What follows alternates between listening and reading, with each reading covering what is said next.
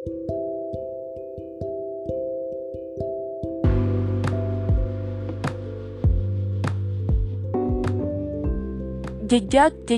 pengubah dunia. Bab 4 Panggilan yang berbeda. Rahel Watan Atas nama Scarlet Alliance Australian Sex Workers Association atau Asosiasi Pekerja Seks Australia dan berbagai kelompok pekerja seks lain dari seluruh dunia, saya luar biasa bangga dapat berbicara dalam konferensi ini Inilah untuk kali pertama seorang pekerja seks mendapat kesempatan memberikan pidato utama. Para pekerja seks sudah terlalu lama dianggap sebagai objek dan dikategorikan sebagai kelompok yang memerlukan perawatan medis. Tetapi, kami bukan hanya suatu objek yang harus diatur dan dikontrol. Dengan dukungan memadai, para pekerja seks mampu memimpin, maka entah dalam ruang rapat, di jalan, di rumah, pelacuran, atau bahkan parlemen, sudah seharusnya kita menerapkan slogan Nothing about us without us. Dari Rahel Watan, pembicara utama pada International Harm Reduction Conference atau Konferensi Internasional mengenai pengurangan bahaya di Polandia pada tahun 2007. Rahel berperawakan mungil dengan rambut pirang. Kedua pipinya lebar dengan tulang rahang yang tegas lengkap dengan senyum menawan di wajahnya. Dalam situs yang dikelolanya dengan nama samaran, ia mengiklankan layanan jasanya sebagai teman wanita sejati yang independen. Dalam beberapa pose foto-fotonya, ia tampak luar biasa erotis. Foto-foto lain, seperti yang ia katakan, tampak seperti gadis baik-baik biasa. Benar atau tidak, gadis baik-baik memang semua kalem. Yang jelas Rahel menikmati pekerjaannya. Saya tidak tampak seperti apa yang dibayangkan orang tentang penampilan seorang pekerja seks. Saya benar-benar tampak seperti gadis baik-baik yang kalem dan sering Anda temui sehari-hari. Para klien saya dan orang-orang di luar pekerjaan ini sering berkata, "Saya tak pernah mengira kamu seorang pekerja seks." Tapi saya katakan, kami datang dari berbagai macam latar belakang. Dan dengan saya memilih bersikap terbuka pada masyarakat untuk menjadi seorang pekerja seks yang membanggakan, orang dapat mulai mengubah pola pikir mereka tentang apa industri seks dan siapa saja yang terlibat dalam industri ini. Rahel yang berumur sekitar awal 30-an merupakan juru bicara dari Scarlet Alliance atau Asosiasi Pekerja Seks di Australia. Di samping telah menulis banyak karya tentang bidang industri yang digelutinya serta kembali ke bangku kuliah untuk mendapatkan gelar master, ia merupakan pekerja seks pertama yang menjadi pembicara utama pada konferensi internasional tahunan mengenai pengurangan bahaya yang diadakan di Warsawa, Polandia pada tahun 2007. Ia juga merupakan anggota pendiri sebuah organisasi nirlaba Touching Best Inch yang dikhususkan untuk memperjuangkan hak-hak seksual orang cacat. Meskipun mungkin hal ini memunculkan pertentangan terhadap harapan orang. Rahel merasa puas dengan bidang pekerjaan yang dipilihnya. Pada akhirnya, ia berkata, Industri yang saya jalani ini semua tentang kenikmatan. Seluruh tugasku adalah untuk membuat seseorang merasa nyaman dengan dirinya sendiri dan merasa bahagia. Kisah Rahel bertentangan dengan mitos masa kecil yang bermasalah, kecanduan narkoba, atau korban pelacuran. Kedua orang tuanya berasal dari Inggris yang bermigrasi ke Australia. Ia sendiri dilahirkan di Sydney, bagian selatan, dan adik laki-lakinya lahir tiga tahun setelahnya. Kehidupannya bisa dianggap sebagai sebuah kehidupan normal dengan didikan pinggiran kota yang tenang, dan ia menegaskan bahwa dulu selalu menjadi murid dengan nilai A.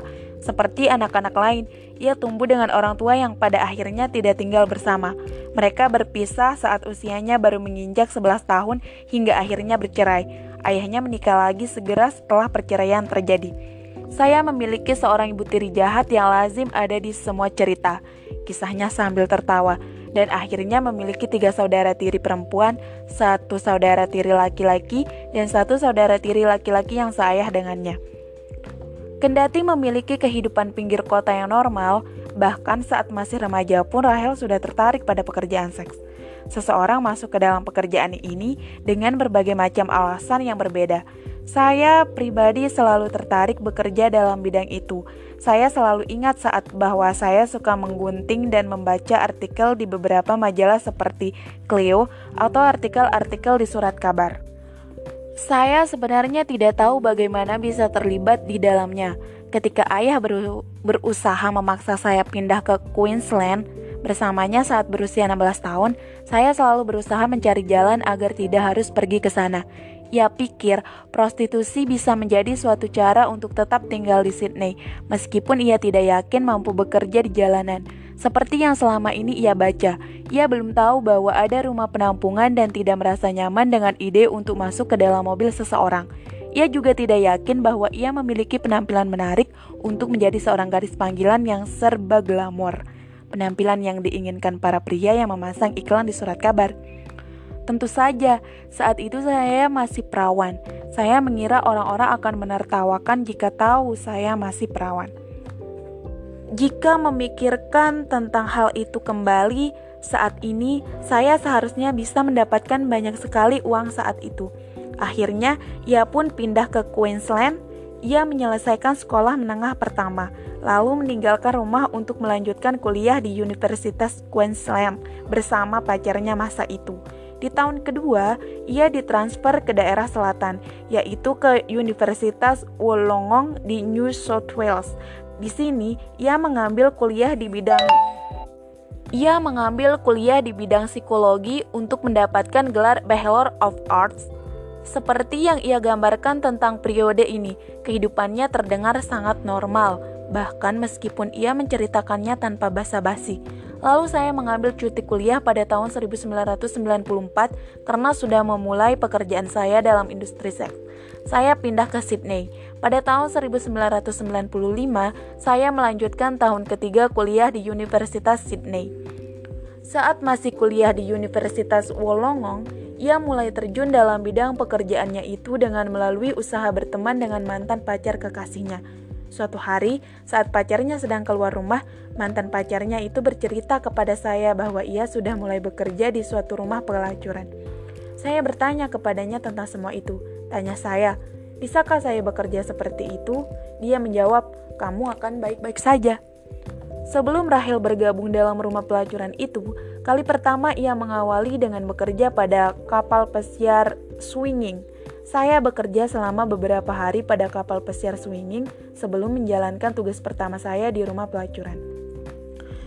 Meskipun secara teknis saat itu adalah pengalaman pertama saya, tapi ternyata semua benar-benar mudah. Seperti yang para pembaca ketahui, klub klub swinging merupakan klub tempat para anggotanya dapat bertukar pasangan, dengan kata lain, dapat berhubungan seks dengan orang lain berdasar persetujuan. Sedikit membuka rahasia, Rahel mengaku bahwa beberapa klub swinging membayar gadis-gadis untuk memulai pesta dan untuk memastikan semua orang bersenang-senang. Kali pertama ia melakukan hal itu, katanya terasa sederhana saja, yang dianggapnya sebagai suatu cara cepat untuk mendapatkan uang. Saat itu, saya bekerja di sebuah toko minuman dengan gaji sebesar 10 dolar per jam. Saya masih ingat saat duduk di bagian belakang pesawat jet yang membawa saya dari Melly kembali ke Sydney dan dan saat kali pertama saya mendapatkan 300 dolar. Saya masih ingat saat itu berpikir, "Ya Tuhan, saya mendapat 300 dolar hanya untuk bekerja selama 5 jam." Saya selalu berusaha benar-benar mandiri dan ini merupakan suatu cara bagi saya untuk mengamankan kebebasan saya dan bisa melakukan hal-hal yang saya inginkan.